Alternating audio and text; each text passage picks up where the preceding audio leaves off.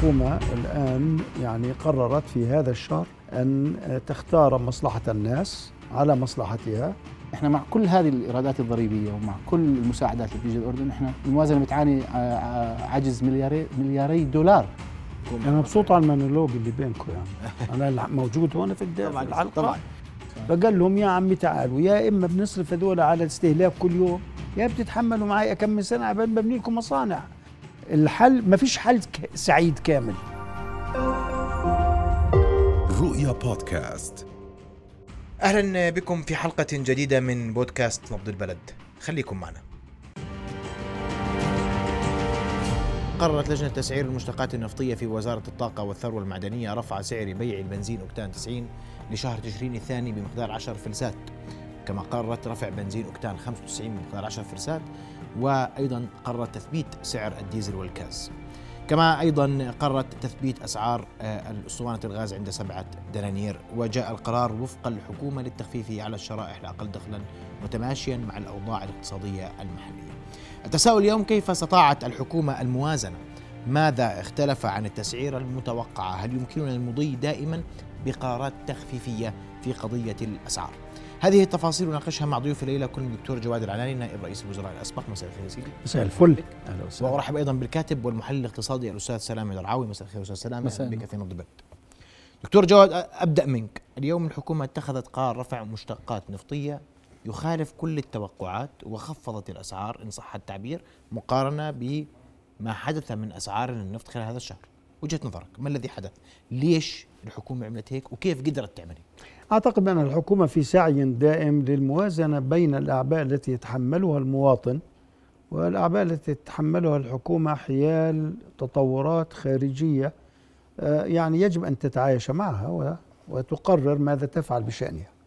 يعني ارتفع سعر النفط في شهري في الشهرين الأخيرين بحوالي 25% نفط الخام. ولو استمر كما كان الأسبوع الماضي لوصل أكثر من 90 دولار لكن انخفض قليلا. ولذلك أنا بعتقد الحكومة الآن يعني قررت في هذا الشهر أن تختار مصلحة الناس على مصلحتها علما بأنها ستواجه مشكلات نتيجة لذلك ولكن آمل أن لا تكون المشكلات كبيرة وإذا سألتني لماذا سأجيب شو المشكلات؟ المشكلة التي طبعا هي ارتفاع ارتفاع كلفة النفط عليها التي يجب أن تغطيها لأنها لم تعكس هذا الارتفاع على آه، على المواطن ولذلك هي ستدفعه من حصيلتها. السؤال هو الآن ولكن عدم رفعها للأسعار سيؤدي إلى يعني عدم تهبيط النشاط الاقتصادي بالعكس قد يكون محفزا ولو قليلا خاصة إذا تحسن في الشهرين القادمين دخل السياحة ودخل من الأمور الأخرى. آه، آه، كما انعكست مثلا موازنة الملكية الأردنية التي حققت أرباحا تشغيلية لأول مرة من آه، هذا العام. وهذا يدل على أنه في عودة لنشاط السفر ونشاط السياحة والفندقة وغيره أستاذ أستاذ سلام لما تقول الحكومة تحملت قديش تحملت الحكومة؟ من الصعب. تحملت الحكومة؟ ما تحملت الحكومة فرق الأسعار. يعني أنت لما من الضريبة. لا الضريبة عندك نوعين من دخل الحكومة. هنالك ضريبة ثابتة منصوص عليها لما جمعوا في شهر ستة كل الضرائب في كتلة واحدة وهذه تبقى الكتلة واحدة. أما إذا زاد الاستهلاك راح يزيد. هذه الدخل. طيب. والنقطة الثانية هي أنها تشتري النفط بسعر وأن السعر هذا يؤثر على كلفة يعني إذا صح على الكلفة التي تدفعها الحكومة. خسرت من الضريبة الثابتة التي فرضتها. لا. لا آه لا هي خسرت فرق الأسعار. يعني الآن ست لن يعني بالأسعار الحالية لن تستطيع الحكومة سداد كامل كلفة النفط بالأسعار التي من المفروض أن تشتري فيها النفط هذا الشهر. فلذلك بدها تغطي الفرق بين سعر نعم. الشراء وسعر كويس. والسعر الذي تبيع به. جميل. أستاذ سلامة أنا بدي أجي في هذا الموضوع. الحكومة تفرض ضريبة ثابتة مقطوعة على المشتقات النفطية صحيح؟ صحيح. الحكومة يعني آه تستوفي 37 قرشا على بنزين 90 على كل لتر. على كل لتر. وتستوفي 57 57 ونصف قرشا على 95 وتستوفي 16 قرش ونص تقريبا على السولار. على السولار والكاز والكاز فهذه ضريبة مقطوعة وثابتة. ممتاز. اليوم ارتفع عليها سعر النفط. ارتفع اسعار بغض النظر ارتفعت أسعار النفط أم لم ترتفع آه، هذه ضريبة ثابتة. ممتاز. غير يعني لا لا تتأثر ب ب- صحيح. هذه تتأثر بحجم الاستهلاك مم. حقيقة. آه، من حيث دخل الحكومة اليوم هاي دخل الحكومة تسميها إيراد الحكومة. طبعا الحكومة يعني أعطيك رقم الحكومة تستوفي ما يقارب آه، 900 مليون آه، ما يقارب 900 مليون دينار آه، آه، ضريبة محروقات وهي تشكل حوالي يعني 25% من الإيرادات آه، الضري- ضريبة المبيعات. يعني 25% من إيرادات ضريبة المبيعات تأتي من آه، من من المحروقات وهذا رقم يعني كبير ومعروف. آه، والقصد أنا عشان بس أنا أوضح الصورة اليوم. اليوم الحكومة تتحمل نعم أسعار النفط أغلى من يعني من تسعيرتها على. دعني أوضح لك نقطة. آه، شهر تشرين آه، أول الماضي ارتفعت أسعار. آه، النفط الخام 12% لواحد هذا الشهر. برنت تحديدا. مم. آه، المشتقات النفطية البنزين 90 ارتفع 60% أو 60 آه، 60 فلس عشان نكون يعني واضحين. وال الخ- وال 95 ارتفع خلال شهر تشرين أول 75 فلس. والسولار والكاز ارتفع 63 قرش تقريبا. على ضوء التسعيرة الطن نعم. على ضوء التسعيرة آه، والغاز الطن ارتفع 20% عشان نكون واضحين. هذا هذا خلال شهر تشرين أول مقارنة مع شهر أيلول. على ضوء التسعيرة الأخيرة اللي اتخذتها الحكومة الحكومة اتخذت قرار بتعديل أسعار المشتقات النفطية على عكس توقعات الشارع وتوقعات المحللين وعلى عكس أسعار السوق. كانت الأسعار لو اتخذت الحكومة بنفس الآلية السابقة أو النظرة السابقة لموضوع المشتقات النفطية كانت ال- البنزين 90 على سبيل المثال ارتفع 60 قرش بالحد ال- بالحد الأدنى. لكن الحكومة اليوم رفعته 10 قروش وهذا يعني آه، وثبتت أسعار الكاز لنهاية السنة وز- وزادت ال- السولار بتقريبا سترفع ست ست ست ستة قروش. نعم ستة قروش. مم. ف آه، ستة قروش نعم. 60 فلس. فالحكومة اليوم خسرت من إيراداتها المتوقعة التي كويس. كانت ستأتي هذا الشهر آه، بمعدل آه، الخمسة قروش التي لم ترفعها مثلا في بنزين خمسة آه، في بنزين 90 90 صحيح. أو آه، أو 65 آه، أو 6 قروش ونصف في في 95 فالحكومة خسرت إيراد كان ممكن أن يأتي لها. قيمته تحسب حسب كميات الاستهلاك. بالتقدير. بالنسبة آه انت بتعرف آه يعني هي بال- بال- بالتقدير إحنا شه يعني الحكومة بتحصل تقريبا آه ال- أو الايراد الضريبي آه من الرسوم. 900 مليون حكينا. إذا بتقسمهم على 12 شهر بيطلع تقريبا ما يقارب آه 85 80 مليون دينار شهريه الحكومة من عائدات الض- الضريبية للمحروقات. قسمها في آه، في- يعني بتطلع تقريبا آه، آه، القروش مع الكمية يعني هذه مسألة بتحتاج إلى استهلاك يعني يعني الحقيقة واضحة. هي تس- 90 مليون شهريا. تقريبا 90 مليون شهريا إذا حولتها إلى فرضا هذه بتشكل 10% خسرت 9 مليون يعني. يعني تقريبا أنا بعتقد انه الحكومة خسرت إيراد آه، شهري. الشهري آه، 9 مليون. بهذا الرقم أو أو أعلى بشوي خاصة لأنه الغاز ارتفع بشكل كبير الفترة هاي فممكن يكون الرقم أعلى بشوي. آه، أقل من 15 مليون قد يكون. آه، خسرت في مشتقات النفطية كما قلنا. خسرت إيراد كان ممكن أن يأتي- أن يأتي لها وتحملت عبئا ماليا فيما يتعلق بالغاز. وأنت بتعرف أسطوانة الغاز عندنا مدعومة من آه، من سنوات زمان. مثبتة على سعر منذ سبع منذ منذ سنوات بسبعه بسبعة دنانير. ف بس الغاز كان في في الصيف نازل.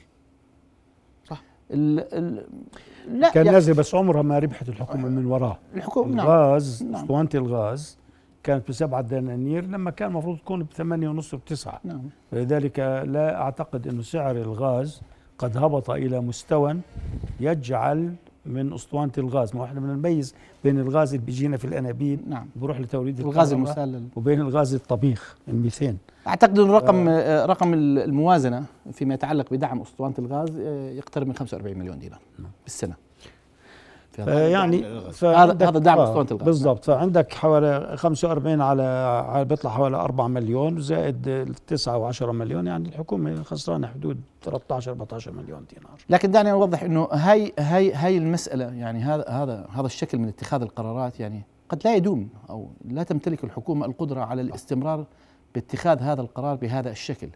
يعني آه، الحكومة اليوم أخذت الأبعاد الاجتماعية والقدرة الشرائية للمواطنين وتراجع دخولهم في الفترة الأخيرة نتيجة تدا- تداعيات كورونا وارتفاع العام في مستوى الأسعار ليس في في المشتقات النفطية في كل مستوى الأسعار السلعية ارتفعت الأسعار نتيجة الظروف ال- ال- ال- العالمية. يعني نحكي على السلع الغذائية ارتفعت أكثر من 120% في بعض السلع آه، أسعار الشحن وما إلى ذلك. فالحكومة لا تستطيع آه، أن تتحرك كثيرا في مواجهة هذه الأسعار بهذا الشكل. آه، لعدة أسباب. أو اولا إنه إيرادات الخزينة من العوائد الضريبية المتأتية من المحروقات عوائد آه، أساسية ومهمة لاستقرار الهيكل الضريبي في آه، إيرادات الخزينة. نحكي على 900 مليون من أصل أربعة أو أقل من 3 مليار 3 مليار و800 مليون دينار إيرادات ضريبة المبيعات. فبتشكل حوالي 25% لا لوحدها. اثنين إحنا مع كل هذه الإيرادات الضريبية ومع كل المساعدات اللي بتيجي الأردن إحنا بعد المساعدات وبعد كل شيء الموازنة بتعاني ع- ع- عجز ملياري ملياري دولار يعني مليار وربع تقريبا دينار. وهذا رقم كبير. هذا عادة يغلق آه، أو يسد من خلال الاقتراض سواء الرسمي الدولي أو التجاري أو ما إلى ذلك. وفي النهاية المحصلة هي زيادة الدين. فالمسألة ليست يعني متاحة للحكومة اتخاذ نفس هذه الآلية في المرات القادمة لأنه يا أستاذ سلام الحكومة اليوم بتقول أنا مثبت السعر نهايه الشتاء. فيما يتعلق بالكاز. آه. فقط الكاز. غاز السولار لا الكاز فقط. كاز. لكن الكاز مادة يعني لا يعني لا, لا تشكل في حجم الاستهلاك الجزء الكبير وهي يعني يعني آه، من كمية الاستهلاك قد تكون قليلة. آه، الاستهلاك الكبير على التسعين بنزين 90 والسولار تحديدا خاصه في فصل آه، الش- الشتاء. الكميات التي تسحب بشكل كبير. فالعوائد غالبية العوائد 85% من عوائد المحروقات بتأتي من سلعتين من البنزين 90 والس- والسولار والسولار تحديدا. و و وأنت برأيك إنه اليوم الحكومة لا تستطيع أن تستمر على هذا النهج؟ لا لا تستطيع. ماليا لا- تمتلك القدرة الترف المالي حتى يعني تخسر إيرادات آه، بمثل هذه المبالغ آه، خلال فصل الش- الشتاء. الحكومة يجب أن تبحث عن وسائل أخرى في في في في مسألة آه، آه، مواجهة تداعيات الأسعار غير تلك التي تتخذها. هذه هذا هذا القرار قد قد يستخدم لمرة واحدة وقد زي إيش؟ تتحمل الحكومة آه، كلفه لمرة واحدة من خ- وت- وتجري بعض المناقلات في الموازنة نتيجة الأوضاع الاجتماعية الأمنية الشعبية الاقتصادية آه، كلها التي تؤثر على ال- ال- ال- القوة الشرائية للمواطنين. وهذه هذه مسألة تنظر إليها الحكومة يعني آه، يعني نظرت إليها بشكل جدي هذه المرة لأنه زي ما حكيت لك أنه الأسعار ارتفعت ليس فقط على المشتقات النفطية كل الأسعار آه، السلع والمواد الغذائية والأساسية ارتفعت في كل العالم فبالتالي فبالتالي لا تستطيع الحكومة اليوم إنها تستمر بهذا الشكل لأنه الخزينة بتعاني من عجز وفي إحنا برنامج متفق عليه مع صندوق النقد الدولي واليوم إحنا في المراجعة الثالثة مع صندوق النقد الدولي والبعثة موجودة في الأردن.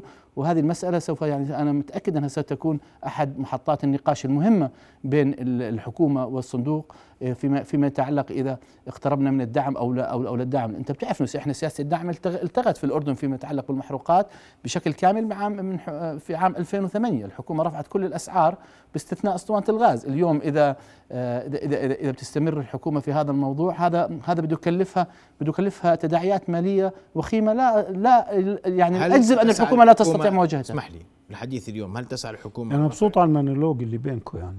أنا موجود هون في الد- في طبعا الحلقة. طبعا. بس أنا آه، سؤالي هون. كويس، بس حبيت لا، أسأل يعني. طيب سيدي اسمح لي يا دكتور. اليوم الحكومة تتحملت هذا الفرق. مم. اليوم الحكومة تقدر ما بتقدر تستمر. هل تسعى لرفع مواد أخرى مثلا؟ هذا مقبول غير مقبول. اليوم الموازنة تتحمل هذا الفرق. هو فرق- فرق إيراد. سيدي والكلام اليوم عندنا مخزون استراتيجي نحن- ولا ما عندنا؟ نحن لا نستطيع أن نحسب كلفه على الحكومة إلا إذا عرفنا شو تأثيراته على مختلف الأشياء الأخرى. إحنا مشكلتنا دائما نظرتنا احاديه ننظر بس فقط قديش دخل الحكومة راح يزيد ولا دخل الحكومة راح ينقص. القضية دخل الحكومة راح يزيد وينقص من أشياء ثانية من آثار أخرى تنجم عن القرار طبيعة القرار الذي اتخذته. يعني أنت لما ما بترفعش أسعار ال- فرضا البنزين كثير وما ترفعش أسعار بينما الناس كانت تتوقع ارتفاع ارتفاعات كبيرة الناس بتصير تصرف على أشياء أخرى. مم. ثانيا الحكومة بدك بدك تنتبه في هذه المرحلة زي ما حكى أخي سلامة. الحكومة يجب أن تنتبه لقضية مهمة وهو أنه في عندنا موجة غلا في العالم الآن. وأنت ليس عندك القدرة أن تزيد الأجور ولا عندك القدرة إنك تغير في المنافع للموظفين. وهذه بتشكل هي العبء الأكبر. فمن هنا يجب أن تتبنى سياسة يعني وأنا أص- أعتقد إنه المفاوض الأردني قادر على أن يقول لصندوق النقد الدولي هذا الأمر لأنه كل التوقعات على فكرة في العالم إنه سعر النفط ممكن يظل يرتفع لمنتصف السنة القادمة وفي ناس لا بقول لك عكس ذلك إنه راح ينزل سعر النفط إنه حتى المضاربين يعني مش قاعدين بيشتروا بي- بيعملوا هيجينج على أسعار النفط لأنه بيعرفوش في أي لحظة إمتى ممكن ينزل. فمن هنا يعني إذا الحكومة أخذت هذا القرار لهذه الفترة لربما ينجم عنه بالعكس اول شيء الناس بصيروا يثقوا بالحكومة أكثر إنها على الأقل واقفة معاهم.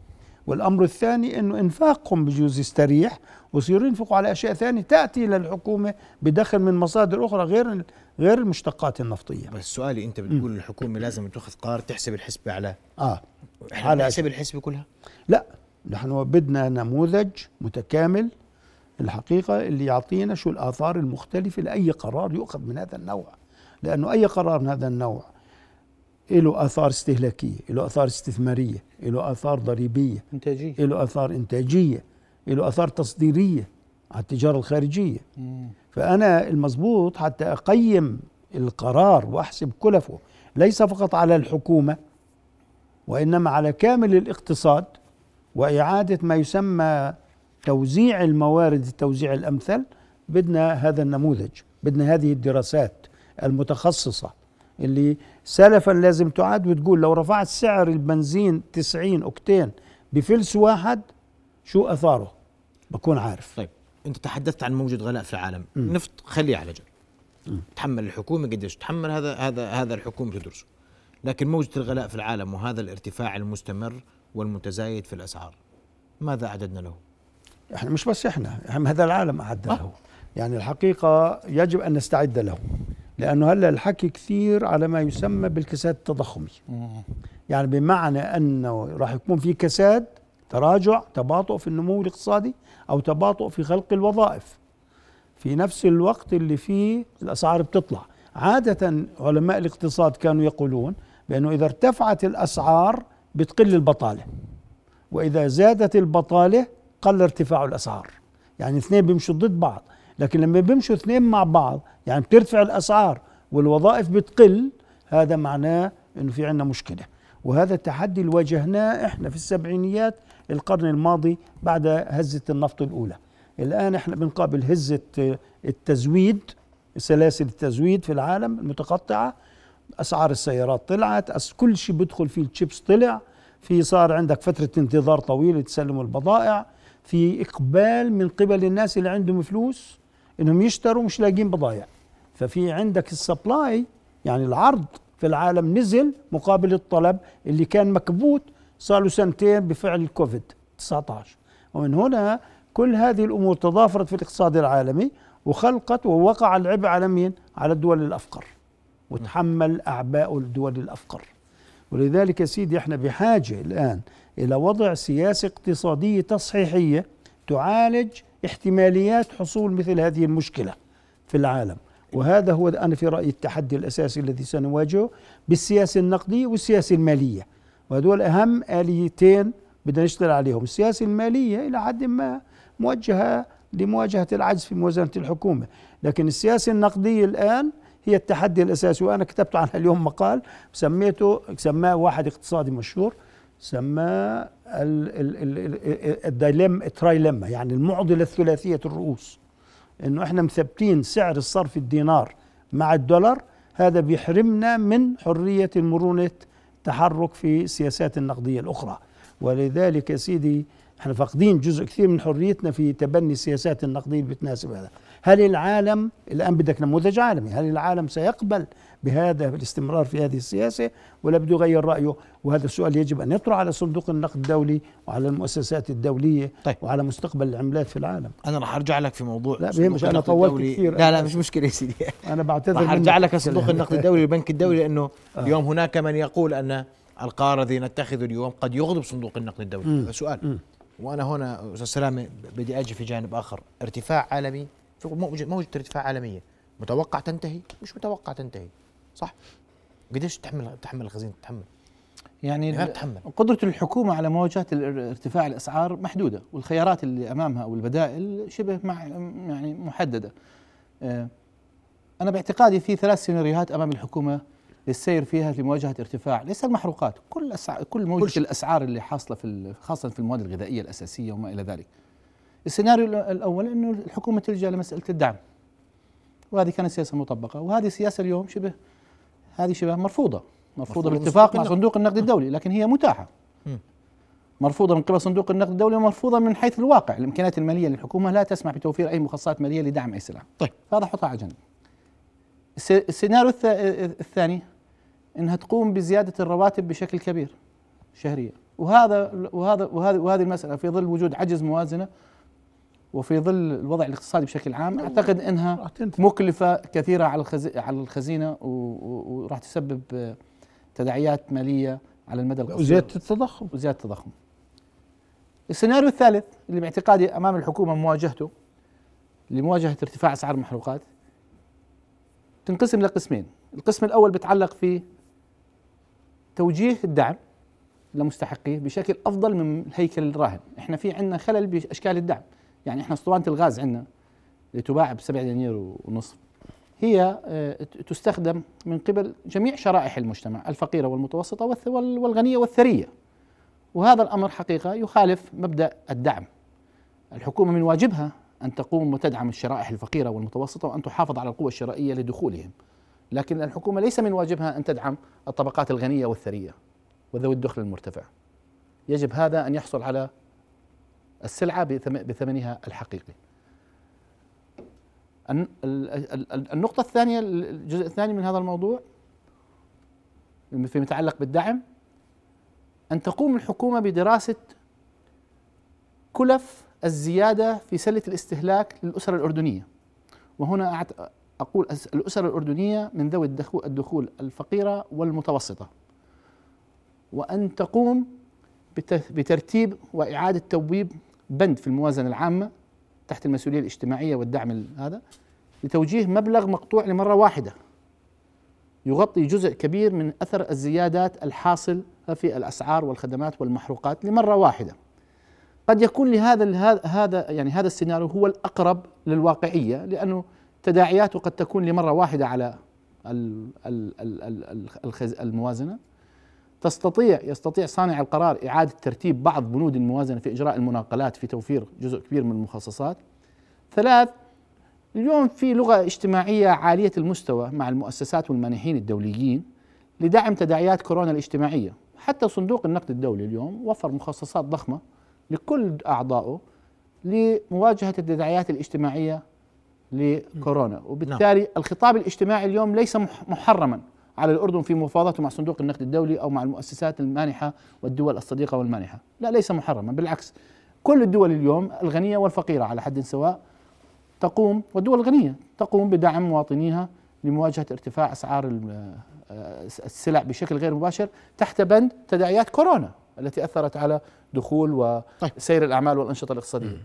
هذا هذا السيناريو قد يكون الأقرب لصانع القرار الحكومي في عملية توجيه الدعم وتوفير بعض المخصصات للمستحقين الفعليين والمتأثرين من ارتفاع الأسعار، ليس المحروقات وإنما كل السلع التي ارتفعت في الأونة الاخيره، غير ذلك الحكومة لا تمتلك لا ترف المال ولا تمتلك القدرة على إعادة الدعم المباشر وليس لها قدرة على تحميل الموازنة. أي أعباء مالية يعيدنا إلى المربع الأول الذي كنا فيه قبل برنامجنا مع صندوق النقد الدولي. طيب البنك الدولي لن يغضب اليوم هو في المراجعة. صندوق النقد الدولي. آه. آه يا سيدي اولا أنا تعليقا على اللي حكاه الأخ سلام أنا بعتقد انه هذا البديل له كمان كلفه العالي جدا.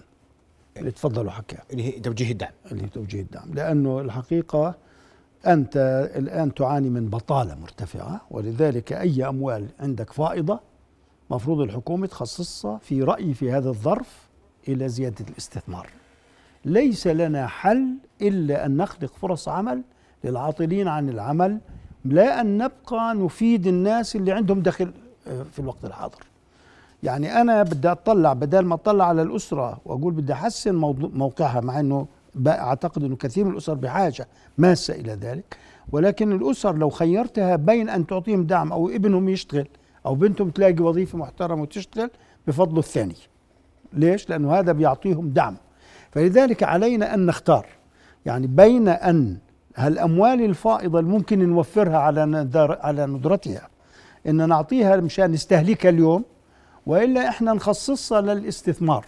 ولذلك أنا في رأيي السياسة يجب أن تبقى في ظل احتماليات الكساد التضخمي هو أننا نركز على محاربة البطالة لأنها امنيا أحسن اقتصاديا أفضل وأجدى وتزيد الإنتاج المحلي وإلا بعد ذلك سنقع في شرك هذه الحلقة المفرغة ونعود إلى وضع يعني لا سمح الله نعاني فيه بعد ذلك من ازدياد المديونية وقلة آه، آه، آه، قلة القدرة على التحكم في مسارات التضخم ومسارات البطالة في البلد. وصندوق النقد الدولي لن يغضب ما نقول لن بالعكس إذا قمنا بذلك وبشرط أن يكون في عندنا برنامج استثماري فعال سريع مش متحمل دلع الموظف اللي بيقول لك معيش وقت ولا أنا خايف أمضي ولا وزير خايف يأخذ قرار. ما في هذا الدلع لم يعد أمامنا. الذي نعانيه الآن هو أنه إحنا وصلنا إلى مرحلة يجب أن نأخذ فيها قرارا أساسيا واضحا. هو أن الاستثمار أولويتنا ليس لأننا آه، آه، نبحث عن لأننا نريد أن ننسى هموم العائلة الأردنية ولكن لأن العائلة الأردنية امامها همان إما هم بطالة أولادها أو هم توفير لقمة العيش بالعكس أنا بفضل إن أعطيها فرصة تحسن فرص العيش لأبنائها وللمستقبل وأزيد الإنتاج ولا أظني أصرف كل هالمال الفائض هذا على الاستهلاك الآني. السؤال أنا حسمع وجهة نظرك وبعجالة أيضا موضوع قضية تحرير أسعار المشتقات النفطية وارد غير وارد وما الذي يؤخرنا؟ إحنا بالحكومة بنتغنى بالتحرير يعني بعد عام 2008 بدأ مسألة تحرير قطاع الطاقة ودخلت الشركات في عملية آه، استيراد المشتقات النفطية لكن تدخلات الحكومة حقيقة آه، في الحكومات في في في في التسعير وفي فرض آه، بعض الرسوم وما وعمولات وما إلى ذلك لم تترك مجالا للمنافسة بين هذه الشركات وبقي وبقي الأمر كأنه لو في شركة واحدة. فعوامل المنافسة غير موجودة اليوم بشكل واضح في سوق المحروقات والمشتقات النفطية نتيجة التدخلات الحكومية وعدم إعطائها المجال والفسحة للتنافسية السعرية. بالنسبة لما تفضل فيه الدكتور أنا أتفق معه تماما بأنه السياسة الاستثمارية هي الوسيلة الأنجع لمعالجة المشاكل الاقتصادية خاصة في مسألة البطالة، لكن أنا باعتقادي أنه هاي المسألة على المدى المتوسط والبعيد هي الأولوية، اليوم على على المدى القريب إحنا في عندنا نهاية شهر في دخل مواطن في أسرة قاعدة بتتآكل دخوله. لذلك في برنامج يعني في عمليات تراجع القوة الشرائية لدخول الأسر الأردنية آني. هذه مسألة آنية اليوم. آه، لا تنتظر آه، يعني الكثير حتى تصبر.